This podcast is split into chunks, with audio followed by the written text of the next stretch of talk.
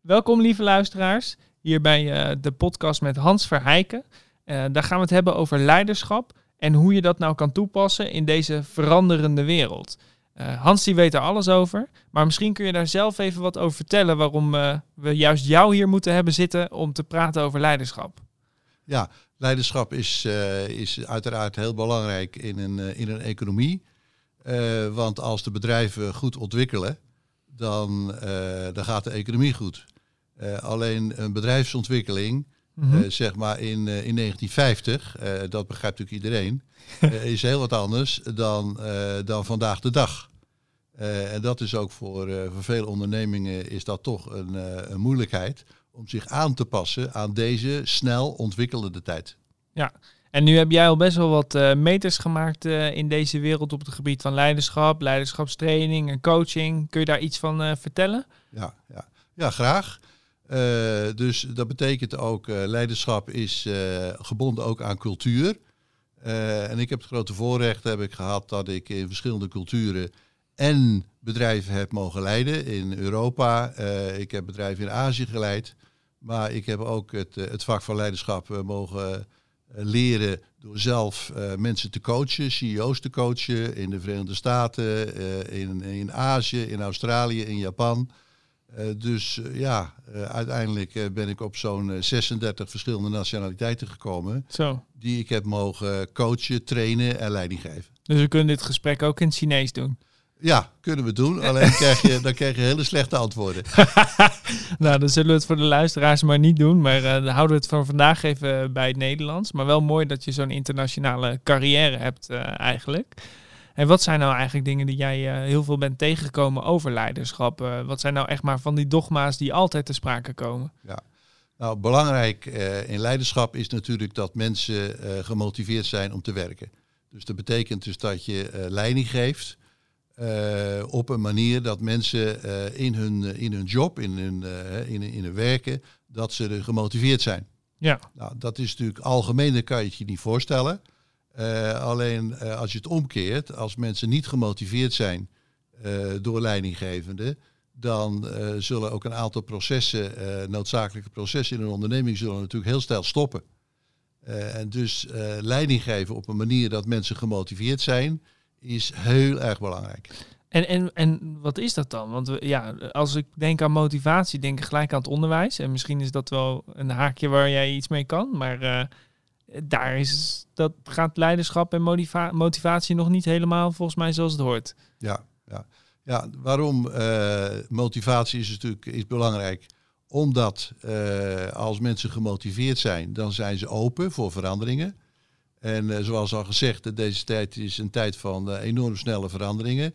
En als mensen open zijn, dan zijn ze ook makkelijker om veranderingen op te nemen. Dat is dan nog een beetje, zeggen we, management technisch is dan reactief. Dat is uh, dat mensen flexibel zijn. Mm -hmm. Dat is natuurlijk een eerste stap, dat mensen flexibel zijn. Maar eigenlijk moet je natuurlijk medewerkers hebben uh, die zelf ook denken uh, en die zelf ook initiatieven employen. En dat wordt, dat wordt steeds belangrijker. Waarom wordt het steeds belangrijker? Omdat initiatieven uh, in bedrijven die komen, moeten van specialisten komen. Het, alles wordt gespecialiseerder. De, het specialisme steeds dieper in de organisatie. Uh, en als mensen alleen maar, uh, zoals je dat op zijn Duits mooi zegt, de dienst naar voorschrift maken, dan ja, dat doen ze wat ze is opgedragen en nemen ze geen initiatieven.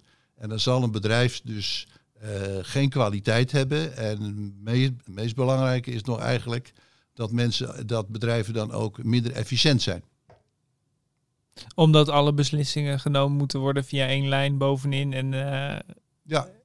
Ja, ja, precies. Men wacht, men wacht eigenlijk af. Hè. Als mensen geen initiatief nemen, uh, ja, dan wachten mensen af. Uh, ja. En dan wachten ze maar af totdat de top een beslissing neemt. maar ja, beslissingen op het gebied van strategie, ja, dat is natuurlijk belangrijk. Visie en strategie moeten er zijn. Maar als het tot de operationele uitwerking komt, is dat vaak heel erg gebonden aan kleine details. En daar moeten de specialisten de vrijheid voor voelen uh, en ook durven initiatieven te nemen. Ja, dat is wel herkenbaar hier ook. Want zodra ik me. Ik kan heel goed de strategie uitdenken, maar zodra ik me met de operatie ga bemoeien en het gaat er detailniveau in, dan heb ik helemaal niet die mogelijkheid om daarop te focussen. En dan kan ik het ja. ook beter niet doen. Ja. ja, ja, ja, ja, ja. Dat, Een beetje respect hebben voor wat ze aan het doen zijn in de Ja. operatie. Hè, dus dat is, eh, dat is uiteraard makkelijk gezegd. Eh, maar als mensen eh, niet gemotiveerd zijn, zullen ze geen initiatieven nemen. Eh, en dan gaat een bedrijf eigenlijk steeds verder achterlopen. En wat kunnen we dan doen aan die motivatie? Wa- Wat voor soort leiderschap zouden we daarin moeten tonen? Ja, ja, dat noem je in het algemeen noem je dat participatief leiderschap. Dat is een deel daarvan. Participatief betekent uiteraard deelnemen, deelnemen aan. Dus het is heel belangrijk dat je als leidinggevende duidelijk bent in niet alleen visie, maar ook doelen. Eh, en dan zo open mogelijk zijn dat die medewerkers eh, hun, hun weg kunnen aangeven. Natuurlijk altijd in overleg. Praat je over medewerkers die één jaar ervaring hebben of praat je over medewerkers die tien jaar ervaring hebben, ja, is dat proces natuurlijk anders. Eh, maar dat ze dus de vrijheid voelen om de weg naar het doel zelf uit te zetten. Ja, Eh. stuurrecht op doelen, OKR's volgens Google. Ja, ja, En, en dan Ja. de weg laten invullen en daar Ja. vertrouwen in hebben. ja precies. Vragen wat heb je nodig in plaats van... eh, Ja, ja, ja, ja. Dus, hè, dus eh, nogmaals terugkomen tot die doelen, daar begint het natuurlijk mee. Want kijk, als het doel niet duidelijk is, dan heb je al snel misverstand. Of dat men een doel niet motiverend, hè, om nog maar terug te komen op die motivatie.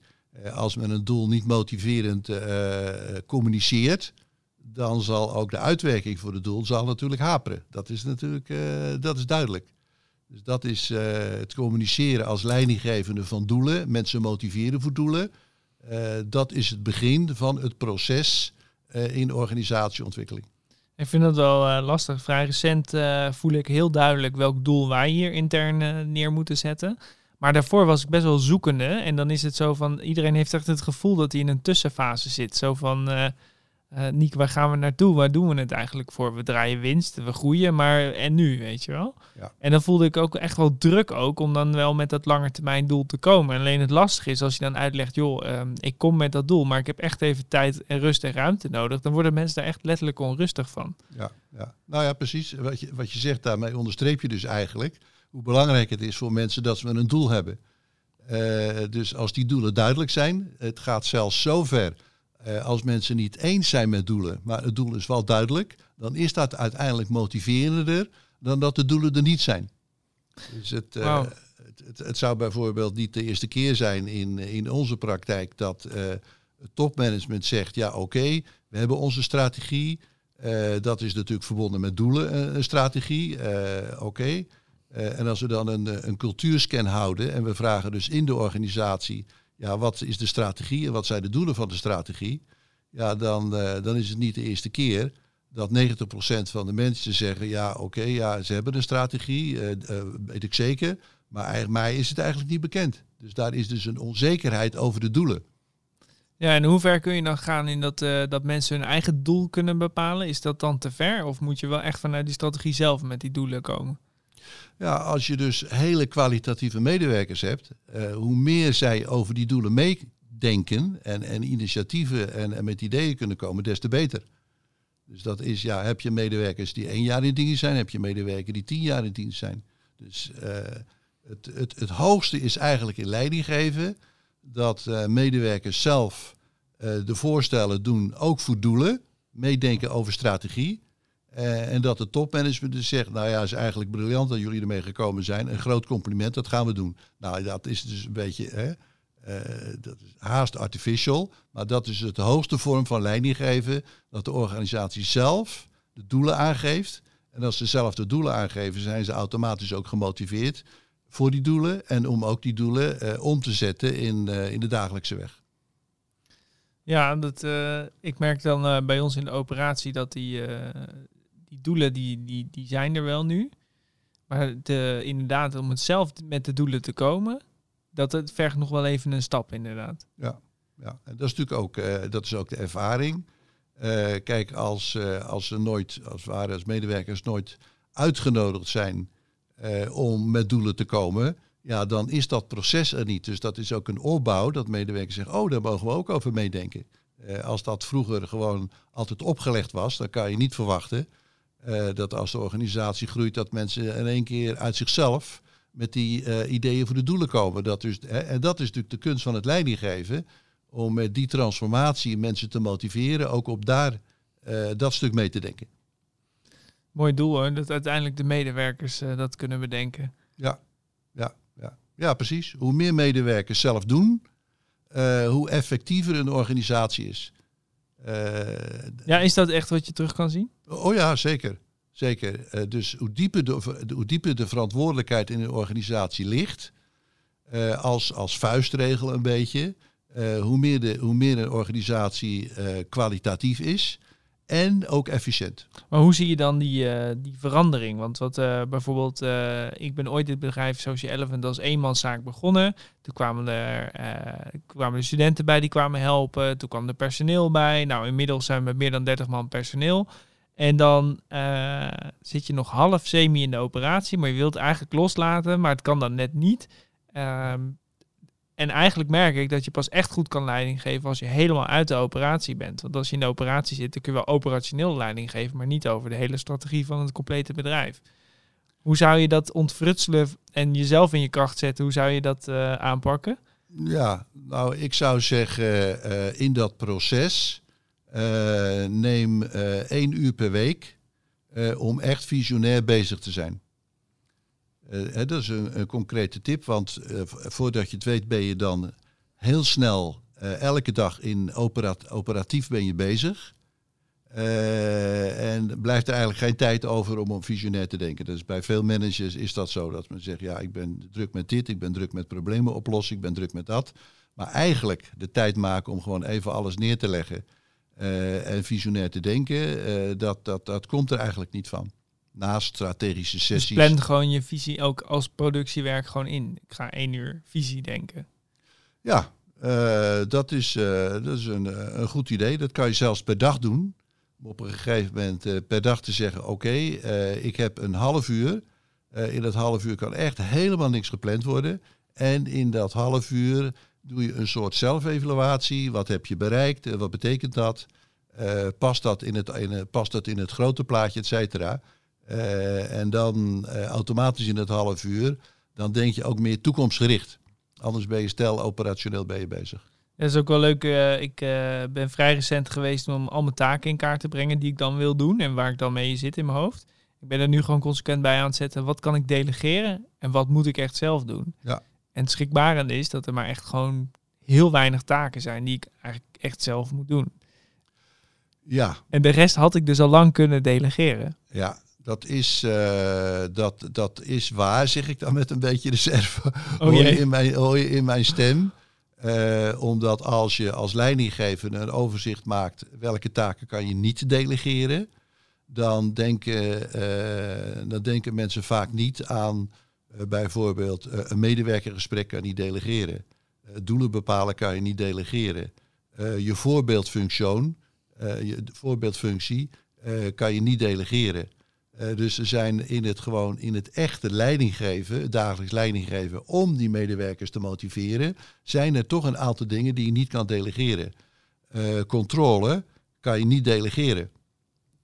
Dus ja, het betekent niet controle van alle, hè, in jouw situatie, controle van alle 30 mensen, maar een aantal mensen uh, moet je, zal je moeten controleren. Natuurlijk, controle als een moderne leidinggever en niet als een politieagent, want dan gaat de motivatie weer naar beneden. Dus, uh, dus een modern leidinggeven wil zeggen, je zegt dingen die je, niet kan, die je niet kan delegeren. De meeste mensen denken er niet aan. Als je aan mensen vraagt, wat kan je uh, wat kan je dus uh, niet delegeren? Dan komen mensen tot een heel kort lijstje. Maar als je dus uh, op het niveau zit van modern leidinggeven, dat je een leidinggevende bent, een beetje als facilitator, de, om, de omstanden, de, sorry voor Dienend mijn, leiderschap eigenlijk. Ja, dienend leiderschap, ja. Dus de, de, de omstandigheden creëren om mensen succesvol te maken, daar moet je ook iets voor doen. Dat gaat niet automatisch. En dat kan je ook niet delegeren als je iets moet doen. Dus het is best een lijstje van ongeveer 15 punten die je als leidinggevende uh, in je hoofd moet hebben. Uh, en ook plannen, uh, zeggen wat kan ik niet delegeren. Dingen op dagelijkse basis, dingen op jaarlijkse basis die je niet kan delegeren. Nu werk ik zo'n beetje, nou wat zou het zijn, minimaal wel 80 uur in de week denk ik. Veel in ieder geval. En wat dan andere eh, zeggen, dat is eigenlijk geen goede voorbeeldfunctie. Hoe kijk jij er dan tegenaan? Want die staat op mijn lijstje. Maar Ja, in, in welke zin eh, be- bedoel je? nee, je geeft eigenlijk het voorbeeld dat er altijd zeg maar eh, werk te doen is. In Ja. plaats van dat je zegt, joh, dit is afgekaderd, ik heb mijn verantwoordelijkheden gedaan, ik heb goed gepland, dus ik hoef ook niet extra te werken. Ja. Dus in mijn geval is het zo leuk om dit soort gesprekken te doen en zo dat ik denk, ja, dat doe ik ook nog wel. Misschien is er ook nog de jonge hond in mij, maar Nou, er is natuurlijk een verschil tussen kwaliteit en kwantiteit. dank je, je. praat over, over- als je over 80 uur werken spreekt, dan praat je natuurlijk over de kwantiteit. Eh, Ja, absoluut. eh, en eh, als je praat over goed leiding geven, goed leiding geven, dan praat je over de kwaliteit. Dus, en naarmate het leidinggeven kwalitatiever is, zal je dus die 80 uur naar beneden gaan. En zal je dus meer tijd hebben om meer strategisch en visionair te denken. Want is dat ook wat eh, de grote leiders die we kennen dan eh, doen? Want je hebt best wel grote leiders ook gecoacht. Z- Zijn die veel meer bezig echt met visie dan met echte operatie of inhoud? Zijn gewoon echt bezig met nadenken en zitten, zijn vrij, zeg maar, qua agenda? Of, ik, ik las namelijk van Bill Gates, die zei... eh, eh, heel veel eh, DGA's die willen hun agenda vol hebben, maar doe dat gewoon niet. Maak drie afspraken op een dag, that's it. Zo is het. Ja, ja, precies. In, eh, in, in die gedachtegang. In, in die gedachtegang. Nou is het natuurlijk zo, eh, wanneer is een leider succesvol? Dat als, eh, als zijn medewerkers succesvol zijn. Dus dat betekent wel dat je in staat moet zijn om goede medewerkers om je heen te creëren.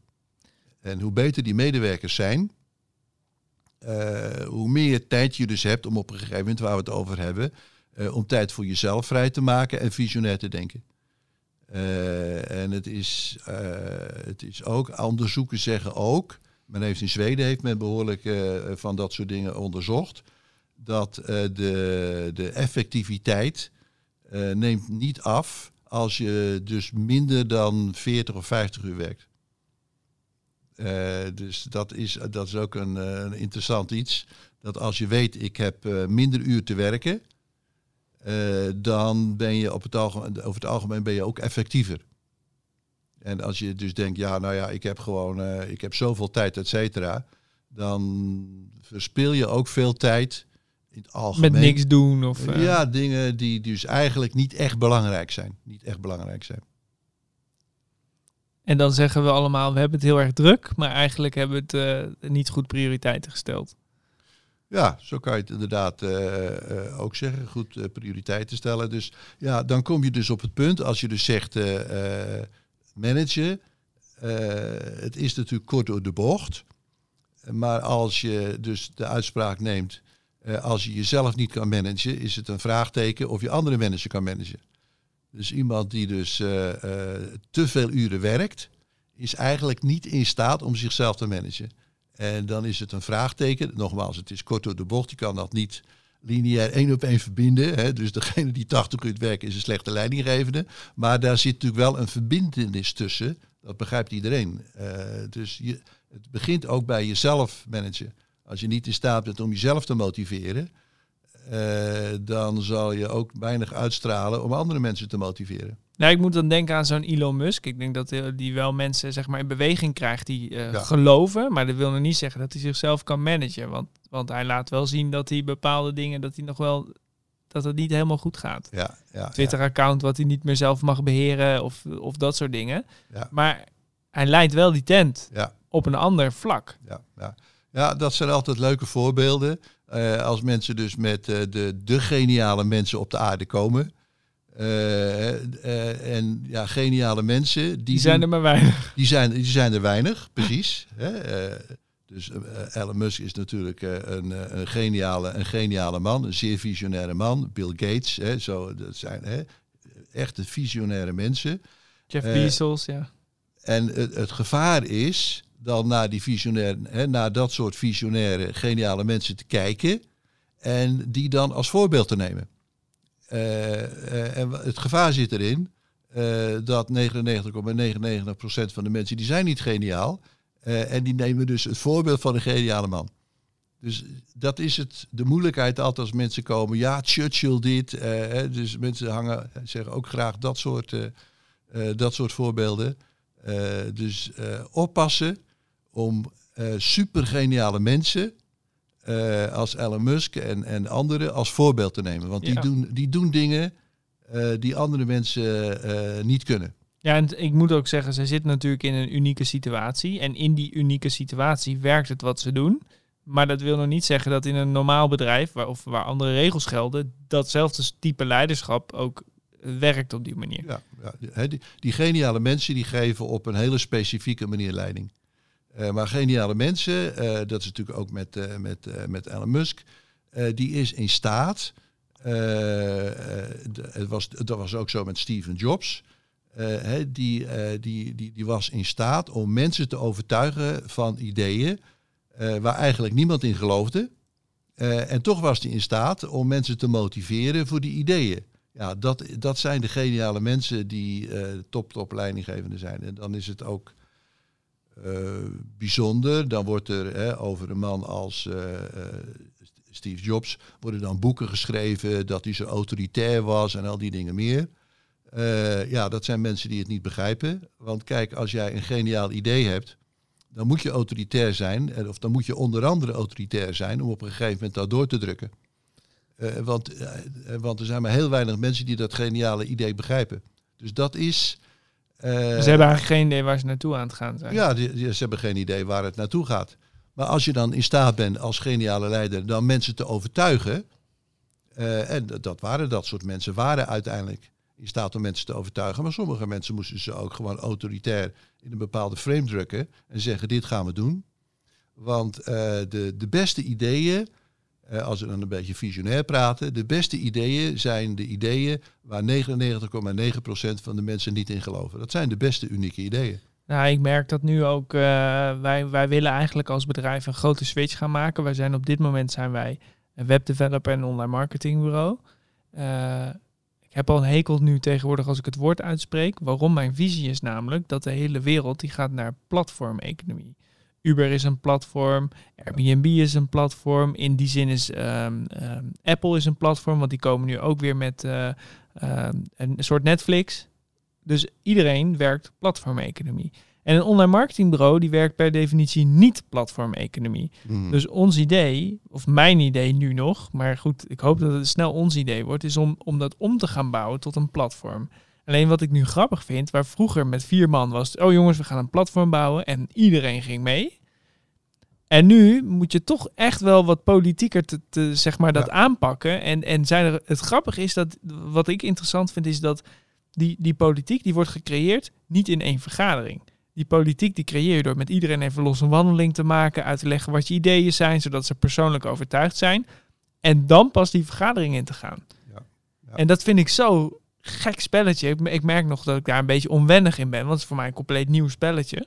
Want vroeger was het gewoon, Nico, uh, jij bepaalt waar we naartoe gaan. En nu is het uiteindelijk ook nog zo. Alleen het gaat via allemaal omwegen en zo. Tuurlijk, tuurlijk. Is dat nou een normaal politiek spel? Is dit wat ik nu benoem? Of is dat... Uh, nou ja, naarmate de onderneming groter is, eh, wordt natuurlijk uh, het politieke spel wordt, wordt groter en dus ingewikkelder. Uh, hè, dus, dus precies met jouw voorbeeld met vier mensen, ja, die geloven in jou en die, die gaan dat doen. Kijk, als je dertig mensen hebt, ja, dan heb je per definitie heb je toch een paar mensen die gewoon het per definitie ook nergens mee eens zijn. ja, dat klopt. in een maatschappij heb je, heb je dieven en prostituees. Ja, niemand wil het. En toch is het inherent aan de maatschappij. Uh, en dus in een onderneming heb je, ook, uh, heb je altijd, uh, statistisch gezien, zoveel procent dwarsliggers. En zoveel procent dat. Waarbij ik niet zeg dat, dat het niet goed is dat je dwarsliggers hebt. Want juist daardoor kan er wel eens een hele kwalitatieve discussie op gang komen. Waardoor je dus tot, een, tot een hoger eindresultaat komt. Hè. Dus daar moet je ook mee oppassen. om dus als het gaat om het overtuigen van mensen van ideeën, moet je als leidinggevende oppassen om niet maar mensen om je heen te verzamelen die braaf ja knikken tegen jouw ideeën. Dat is een groot gevaar bij, uh, bij leiders, dat men mensen om zich heen verzamelt die zo denken zoals zij denken. Uh, want juist uh, diversiteit geeft een beter resultaat. Ja, dat vind ik wel interessant. Wij hebben nu uiteindelijk ervoor gekozen, want je hebt het over leiderschap. En ik vind het wel eerlijk om, om dit helemaal open neer te leggen. Want dit is wel een best wel een dilemma waar ik mee zit. Ik ben best wel eh, een vrij persoon. Ik doe dingen op mijn eigen manier. Ik krijg uh, dingen op een andere manier voor elkaar dan dat ik de meeste ondernemers dat zie doen. En ik doe dat door heel persoonlijk te zijn met mijn klanten. Want ik geloof gewoon dat vriendschap een klein bedrijf groot maakt. En ik geloof ook dat we het hier op aarde met elkaar moeten doen. Dus je kunt je klant wel als vijand gaan benaderen. Maar dat is natuurlijk niet echt hoe je het tot mhm. een beste uh, pact komt. Nu moeten er ook in de organisatie hele strakke beslissingen worden genomen. Dus ik heb twee personen gevraagd om die strakheid in de organisatie te brengen. En die twee zijn dus echt wel heel erg anders dan ik.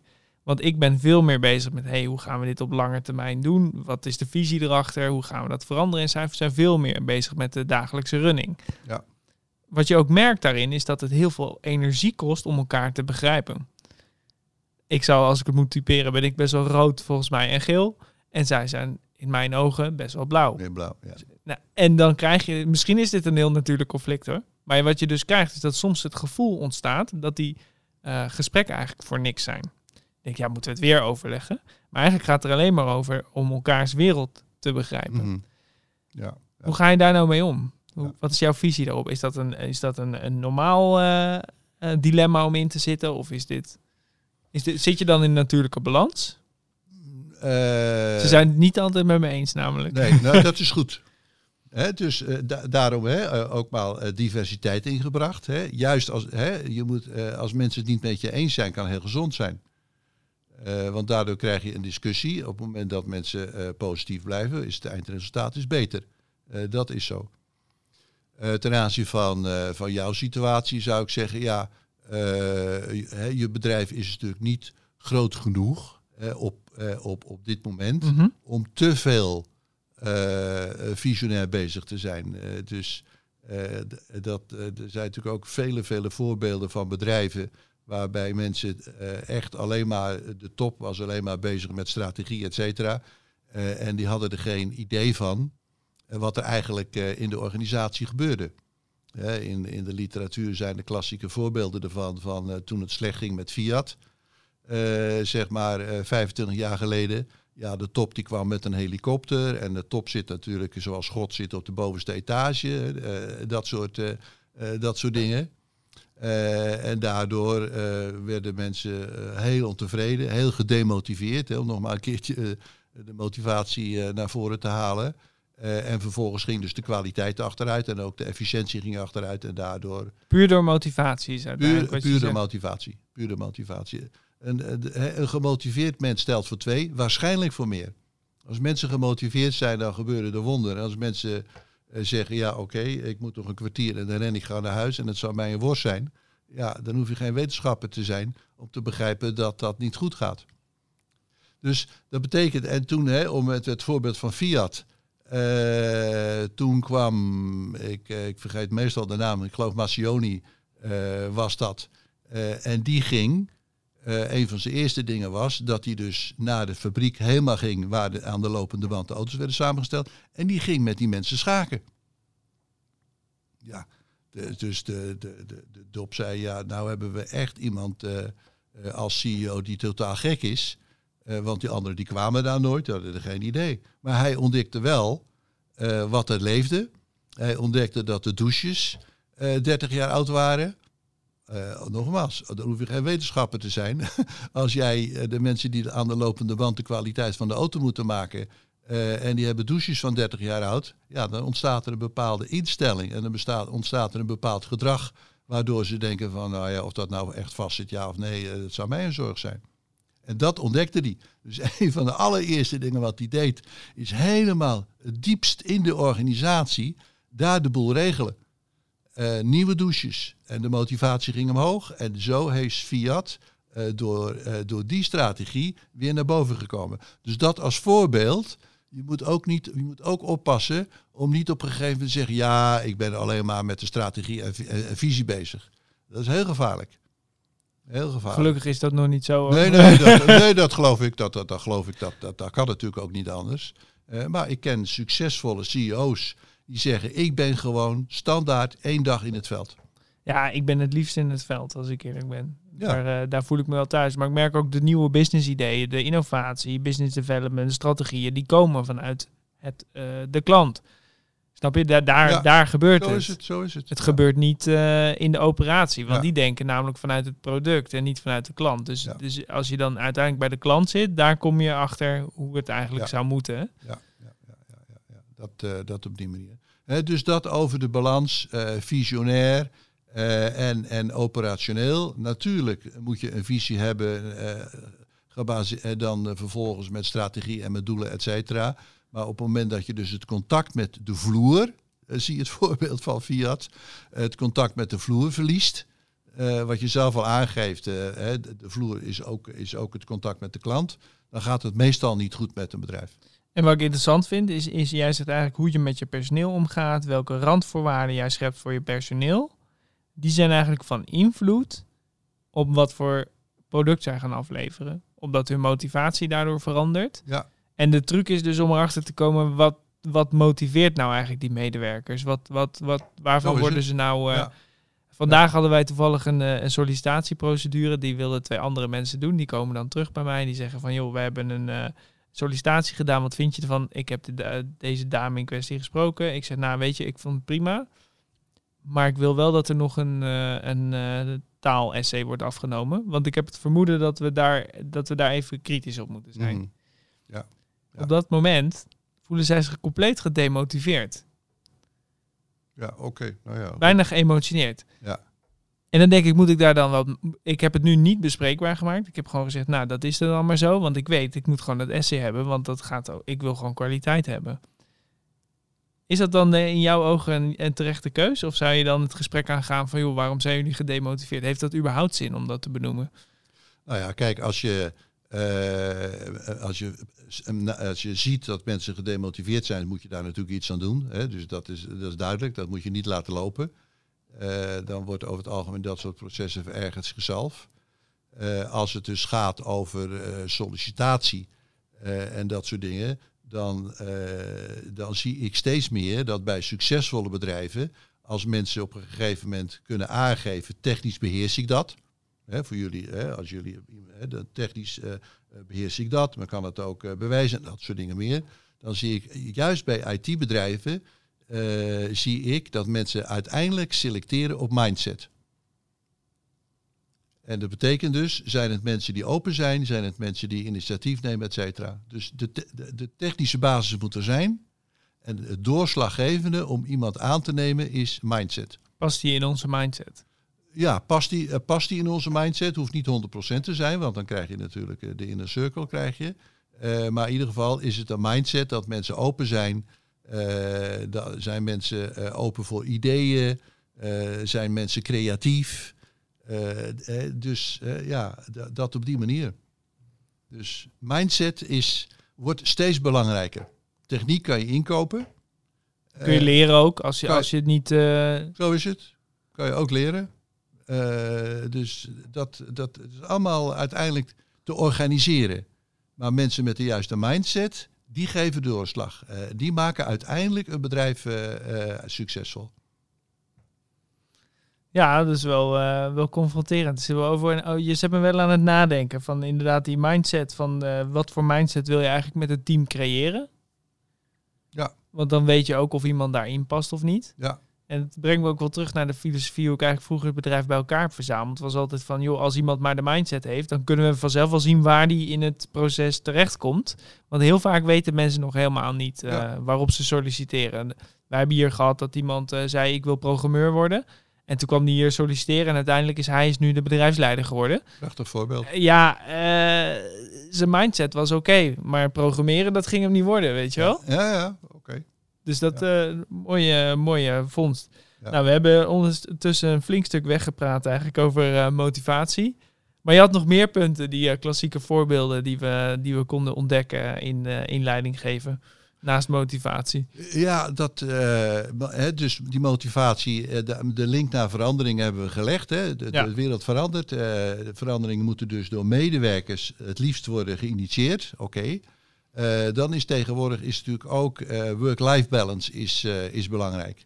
Dus ik heb dus medewerkers betrekken bij, heb ik dan participatief leidinggever genoemd, maar dat is het niet helemaal. We hebben het ook gehad over dienend leiderschap. Dat is ook is een beetje een paraplu.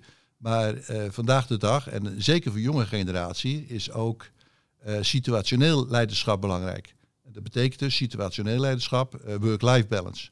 Waar Nederland overigens als een van de beste landen staat aangegeven. Uh, dat de dat work-life balance is het beste georganiseerd in Nederland in vergelijking met de ons omringende landen.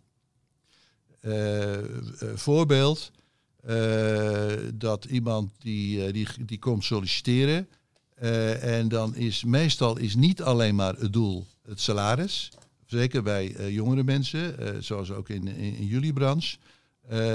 het doel is niet alleen maar die vijf dagen werken, maar het doel is ook, kan ik daarmee een kwalitatief leven opbouwen? Dus misschien dat iemand zegt, ja oké, ik vind jullie een fantastisch bedrijf, et cetera. Ik wil gewoon maar werken. Ook van, van jullie kant met het allemaal.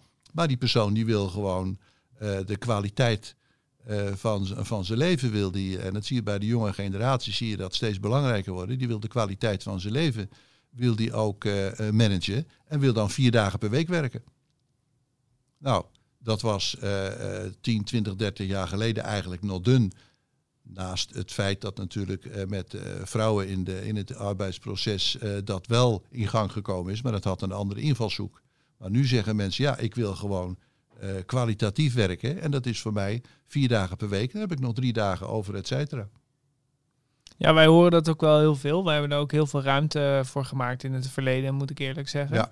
Ik moet wel zeggen dat op bepaalde posities het wel lastig was. Dus de bedrijfsleider die deed eerst vier dagen. Op een gegeven moment hebben we wel gezegd, ja, dit, dit gaat zo niet. Want wat er gebeurde was die ene dag dat hij niet was, schoot ik in de paniek, weet je wel. Dan dacht ik, ja, nu moet ik het opvangen. En het is heel lastig om die ene dag uh, op te gaan vangen, want alles zit in zijn hoofd van de dagelijkse running. Ja. En dat zit er bij mij niet meer. Ja, ja, ja. ja is voorstelbaar.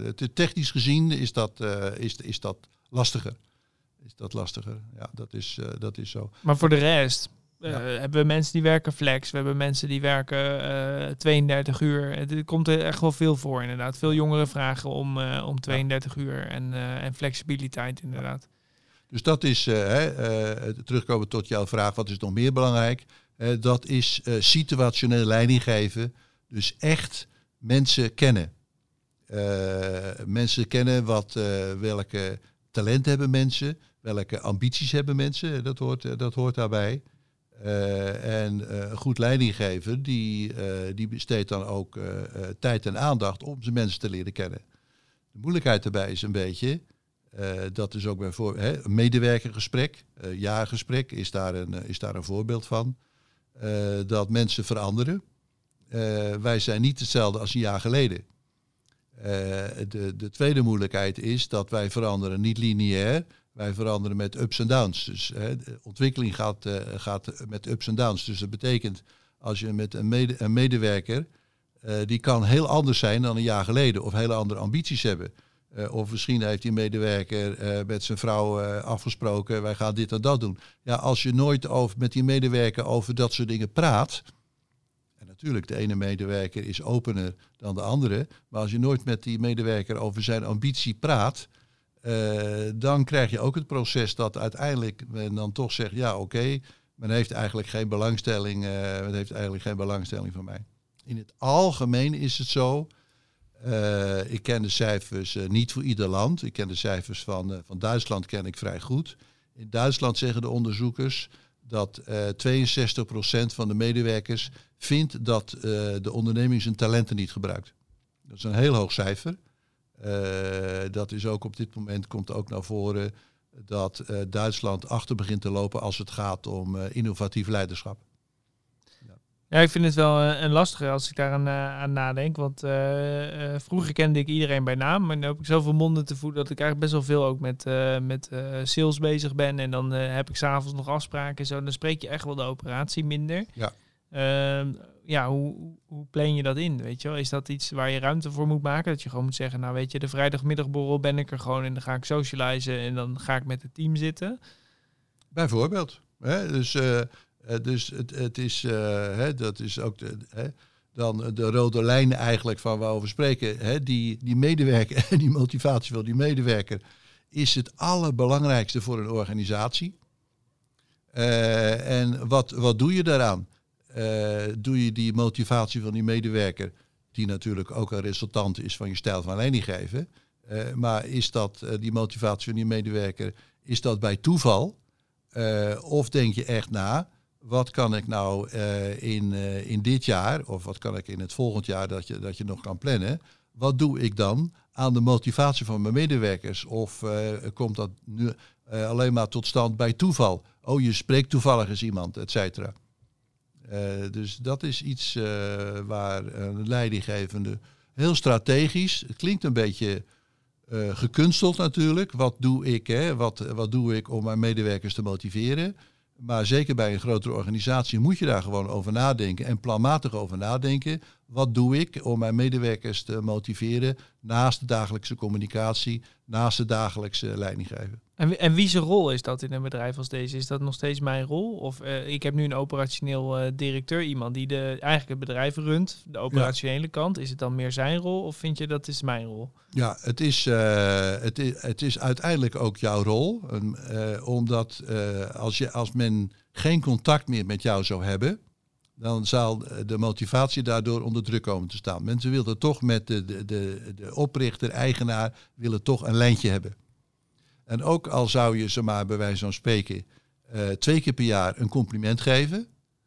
Dan moet je het nog wel op de juiste manier doen als leidinggever. Hoe geef je complimenten? Veel leidinggevenden maken daar een fout mee. Die doen het een beetje op zijn Amerikaans. Ja, goed gedaan, et cetera, bla bla bla. Wel uit je hart. Ja, oh, dat is het ja ook. dat nog. Het moet nog uit je hart. Maar er moet nog een aantal andere dingen bij als je, als je complimenten geeft.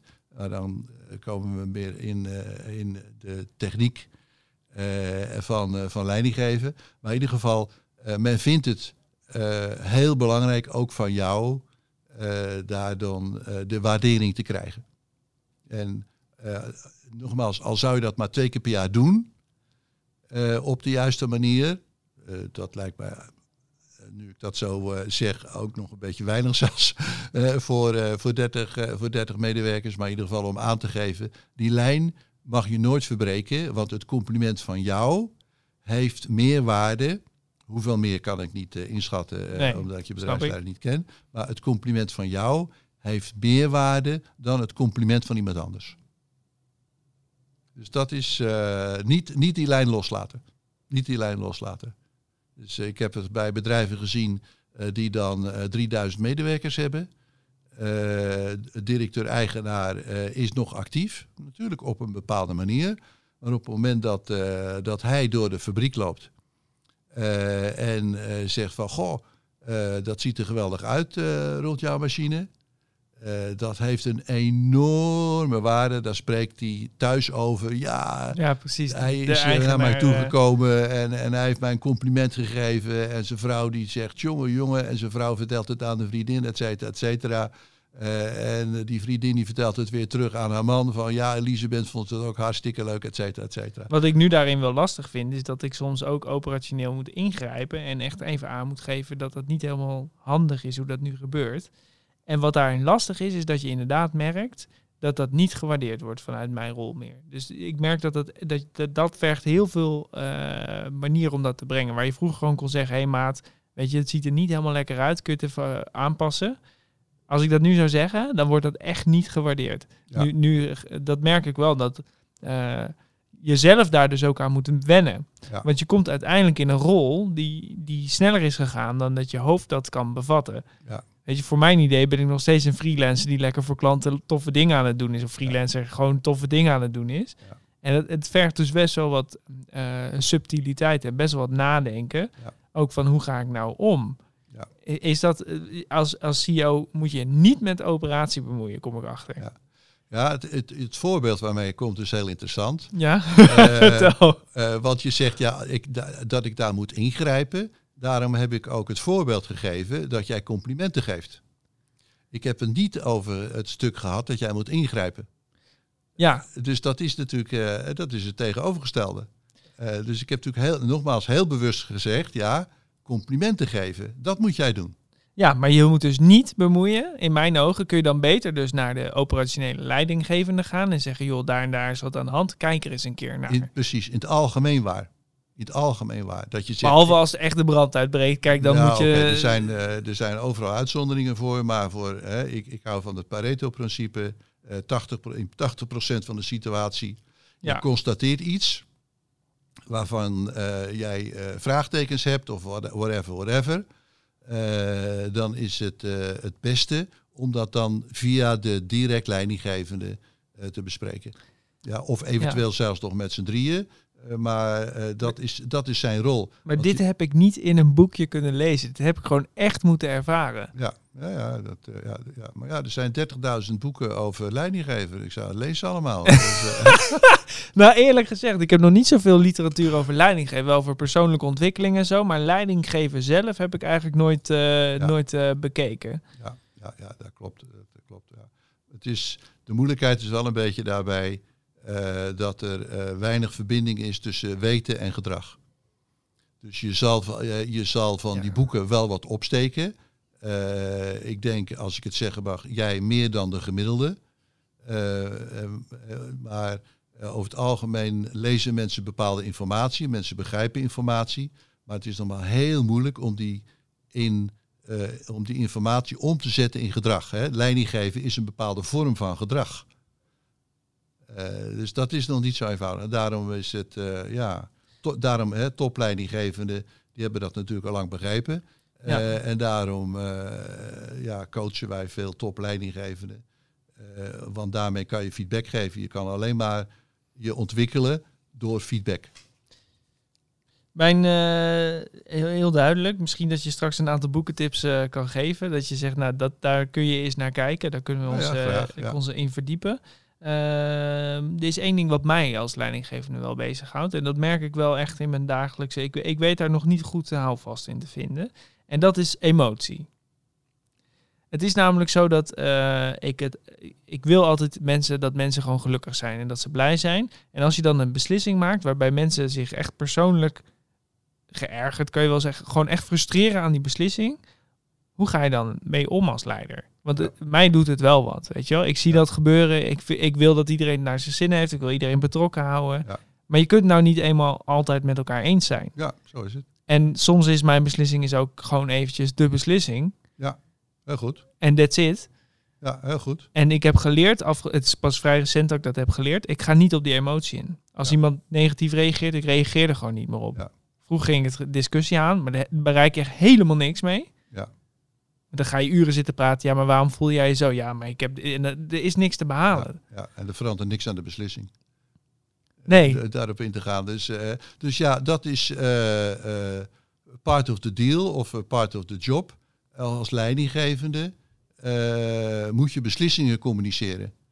Eh, en het zou wel een wonder zijn als iedereen, eh, naarmate het bedrijf groter wordt, eh, eh, eh, dus heb je dus in aantal, hè, in aantal meer mensen, per- Ja. in percentage hopelijk niet. Eh, maar het zou wel een wonder zijn als iedereen in het bedrijf met die beslissing eens is.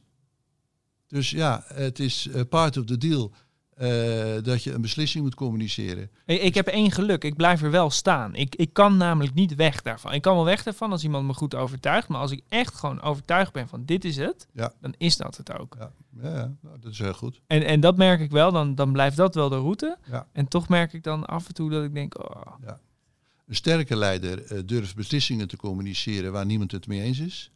Eh, en een zwakke leider eh, die gaat eh, manipuleren en eh, rechtvaardigen. Dus, eh, en, en, geen en, dus, en geen beslissing nemen leidt altijd tot ellende. ja, dat is het ergste wat er is. Ja, geen beslissingen leidt automatisch tot ellende. En hoe langer je wacht, hoe groter de ellende wordt. Dus eh, daarmee de, de, ja, de bekende uitspraken, beter een, eh, beter een beslissing dan geen beslissing. Dus dat, soort, dat soort dingen. Dus goed dat je een beslissing durft te nemen, is een verantwoordelijkheid die je niet kan delegeren. We praten over wat kan je niet delegeren. Een beslissing kan je niet delegeren. We Ja. praten niet over de, de kwaliteit van hoe je een beslissing communiceert. Want Nou, daar kan je natuurlijk ook nog Ja, eh, en dat heel is veel wel fouten in maken. precies wat, wat ik daar nog wel in merk. Is dat, eh, en dat, dat is ook van vrij recent. Maar ik, heb, ik, heb echt, ik ben echt door de mangel gegaan. Want drie maanden geleden vond ik het leven als leider eventjes echt niet meer leuk. Dat ik echt dacht, hoe kom ik hier doorheen? En toen ben ik eigenlijk eh, een week op retraite gegaan. Want ik dacht, nou, op deze manier nog harder duwen, dat gaat niet heel veel brengen. En ik liep hier niet heel vrolijk over de werkvloer. En ik merk, als je niet vrolijk bent, dan lukken dingen gewoon niet. Dus ik was even naar binnen gegaan. En wat ik nu de laatste tijd merk, eigenlijk toen ik terugkwam, was iedereen al heel positief. Ik denk, hé, wat is hier aan de hand? En waar ik dus achter kom, is dat die complimentjes zo essentieel zijn in het kunnen zeggen dat op het moment dat je dan een andere beslissing hebt, dat dat dan ook wordt geaccepteerd. Waarom? Je hebt iemand al zes complimentjes gegeven die oprecht waren in oprechte situaties. En daar heb je zoveel credit mee opgebouwd, dat als je dan op een gegeven moment zegt, nee, we gaan nu linksaf, dat iemand zegt, ja, dat is goed. Ja. En dat vond ik zo'n bijzonder spel, want ik had nooit beseft dat het daarin zit. Ja, ja. Nou, heel, heel mooi dat je dat met elkaar verbindt. eh, die beslissingen en, eh, en complimenten. Want door complimenten eh, bouw je krediet op. Ja, en je kunt dus niet zomaar echt, als je elke keer zegt, nee, we gaan naar links, we gaan naar links, we gaan naar links, dan gaat niemand meer naar links. Ja, ja, ja. Als, je, als je geen krediet hebt. Hè, eh, dus eh, door complimenten, onder andere door complimenten, hè, die dus niet alleen maar natuurlijk, maar we praten nu over complimenten. Door complimenten bouw je eh, een emotionale krediet op bij mensen. Ja. En dat betekent dus dat het voor iemand die dus op, waar je dus eh, eh, dat emotionale krediet hebt opgebouwd, zal het makkelijker zijn een beslissing te accepteren waar het eigenlijk niet mee eens is. Maar als je dus eh, alleen maar beslissingen communiceert het niet mee eens is, of je hebt alleen maar kritiek, et cetera, et cetera, ja, nogmaals, dan gaat de motivatie dus naar beneden, enzovoort, enzovoort. Ja, dus dat is wel mijn les van geef die complimenten eh, om, om ook te zorgen dat als je dan het krediet nodig hebt, zeg maar, dat je het ook kan doen. Ja, ja. En het grappige is dat ik dan de laatste tijd merk als je dan daar gaat staan en, en je hebt dus die complimenten, je hebt het eh, allemaal gedaan en je zegt op een gegeven moment jongens, we gaan die kant op, dan is er dus ook geen weerstand tegen. Mhm. Ja, oh, nou, heel mooi. Dus dat vond ik heel mooi om te ervaren, dat het politieke spel, zeg maar, of ik noem het politieke spel, maar eigenlijk is het gewoon even anders je mindset neerzetten, even anders met mensen omgaan, dat dat dan ook weer heel veel ruimte kan bieden om dus Ja. de sturing te doen. En sturing is niet alleen maar zeggen waar je naartoe wil. Ja. Dus dat vond ik wel heel, eh, heel mooi om, eh, om mee te maken eigenlijk. Ja, dus, eh, dus hoe een bedrijf functioneert en de, dus uiteindelijk de cultuur van het bedrijf. De cultuur van het bedrijf is een afspiegeling van de, de oprichter of de CEO Ja. van het bedrijf. En dan komt er nog iets moois. en dat is wat ik eh, ook heb ervaren. En wat ik eigenlijk weinig mensen hoor zeggen. Maar er komt een moment in het bedrijf, en dat is ongeveer waar we nu eigenlijk net doorheen zijn, dan komt er een leiderschapscrisis. En dat betekent dat jouw leiderschap bekritiseerd wordt. En dat je echt, dat betekent dat in mijn ogen is dat een situatie, ik denk dat je wel eh, weet waar ik op doel, is de situatie waarin jouw oude leidinggevende manier niet meer werkt in de Ja. nieuwe situatie. Ja. En dan ontstaat er een leiderschapscrisis, want je moet je nieuwe discipelen kiezen met wie ga ik dit doen en wie ga ik aan, wie ga ik waarop zetten. Ja. En dat is niet makkelijk. Nee, dat, is, dat kan me goed voorstellen. Dat is niet makkelijk. Dat is waar ieder groeiend bedrijf mee te maken heeft. Eh, er is een omslagpunt zo, eh, ja inderdaad zo, bij 30 tot 50. Eh 100 is ook altijd een omslagpunt waarbij je gewoon dingen anders moet organiseren en uiteraard ook anders leiding moet geven. En eh, je stijl van leiding geven met een groep van, eh, van vier of van tien mensen, ja, eh, is natuurlijk anders dan leiding geven met een groep van 30 mensen.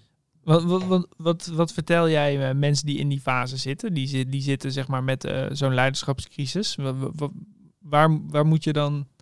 Ga je terug naar je hart of ga je juist heel erg dat bespreken met elkaar? Of moet je daar je eigen manier in vinden? Hoe zie jij dat?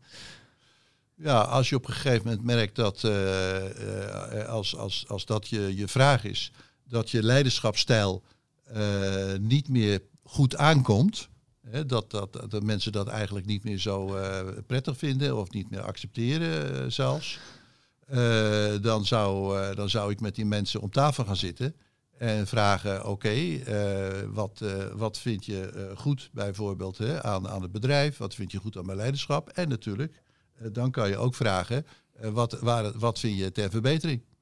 Ja, dus gewoon echt wel openstellen. Ja, ja. ja is altijd, altijd het beste. Ik heb ook daarin ook, eh, ik heb dit dus net meegemaakt. Ik heb ook gezegd, joh, ik vind het best wel moeilijk om even mijn rol te vinden met elkaar. Eh, hier zullen we samen uit moeten komen. Maar ik ga wel deze rol eh, vervullen.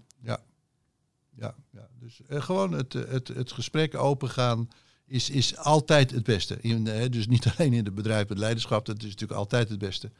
Eh, en zeker niet, te zeker niet te lang wachten, want dingen die uitstellen worden over het algemeen alleen maar eh, negatief gecompliceerder. Dus dat daarbij. Dus ja. Is, is dat dan een natuurlijk ding? Dat op een gegeven moment die, die, die, dat die leiderschap, dat dat een beetje... Ja, hoe leg je dat uit? Net als dat kinderen gaan puberen, heb ik letterlijk meegemaakt hier. Dat de kinderen Ja. gingen puberen en zeiden, ja, maar nu wil ik zelf beslissen, weet je Ja. wel? Dat, dat is, en dan word je, ja, maar hoezo eh, moet ik naar jou luisteren? Waarom dan? Ik wil dit zelf doen. En dat is, ik, in mijn ogen is dat een natuurlijke fase. Ja, ja, ja d- hè, zo. eh, je legt ook eh, de vergelijking met kinderen. Dus die Zo voelt het ook. Ja, dus die vergelijking wordt veel gemaakt. In- Hè, is het bedrijf nog in de babyfase, in de puberfase? Hè, dus waarschijnlijk is jouw bedrijf in de puberfase. Nou, eh, eh, en dat heeft bepaalde, dat heeft bepaalde, eh, bepaalde reacties, geeft dat. Ja, dus, dus, eh, niks bijzonders. Niks bijzonders. Wees blij dat, eh, dat die fases er zijn. Wees dankbaar. Ja, Ja, het enige wat ik daar wel- heb geleerd is dat het heel belangrijk is om dan de langetermijnvisie neer te zetten. Dus niet bezig aan, in dat stukje rommelen en dat op te lossen, maar kijk verder, kijk door. Waar Tuurlijk. wil je naartoe? natuurlijk. En, hoe, en wat gaan we dan samen doen? En welke rol ga jij dan vervullen als we daar naartoe gaan? Zo is het. Eh, Daarin, en daarin eh, mag je best eisend zijn. Dus eh, een, een, een indicator van, van pubers is de onzekerheid. Dat betekent dus als jij dus zekerheid geeft in waar gaan we naartoe en visie of hoe je het ook maar benoemen wil, dan zal dat tegemoet komen aan de onzekerheid van de puber. Dus in, die zin, en eh, we hebben het al gehad over complimenten. Dus als je praat over pubers in een gezin, een puber moet je veel positief benaderen. Een beetje, een beetje meer dan normaal. Want die, die, onzekerheid eh, te compenseren. Dus ook in een bedrijf wat in die fase zit waar een beetje, laten we maar zeggen, eh, een aantal pubers aan de gang zijn. Geef zekerheid met waar gaan we naartoe. Geef zekerheid met doelen. Eh, geef zekerheid dat je beslissingen durft te communiceren waar we het over gehad hebben. Eh, en geef ook veel positieve eh, feedback. Dat zal zeker helpen om door die puberfase heen te groeien. Cool. We, we zitten nog bij de boekentips. Ja, ja. nou, ik heb een heel mooi lijstje. Ik heb een heel mooi lijstje voor je. Eh, maar dat ga ik jou, eh, ga ik jou mailen. Ja, dan gaan wij die hieronder eh, in de podcast zetten we het er eventjes bij. Dan kan iedereen het lijstje met, met Ja. boeken zien. Ja. Ik heb enorm veel van dit gesprek geleerd. En ik merk altijd op de manier waarop jij praat, dat je, ik weet niet waarom, maar je zet me altijd aan het denken. Dat ik toch eventjes ga kijken of ik het wel volgens de boeken aan het doen ben en of dat wel helemaal passend is. Dus dat vind ik wel heel erg leuk. Ik heb heel veel van dit gesprek ook wel opgestoken. Oké, nou heel goed. en, eh, ik ben natuurlijk ook een beetje trainer-coach. En dan eh, ja, is het natuurlijk een schot voor open doel. Want dan ga ik aan jou vragen, wat heb je dan als belangrijkste geleerd?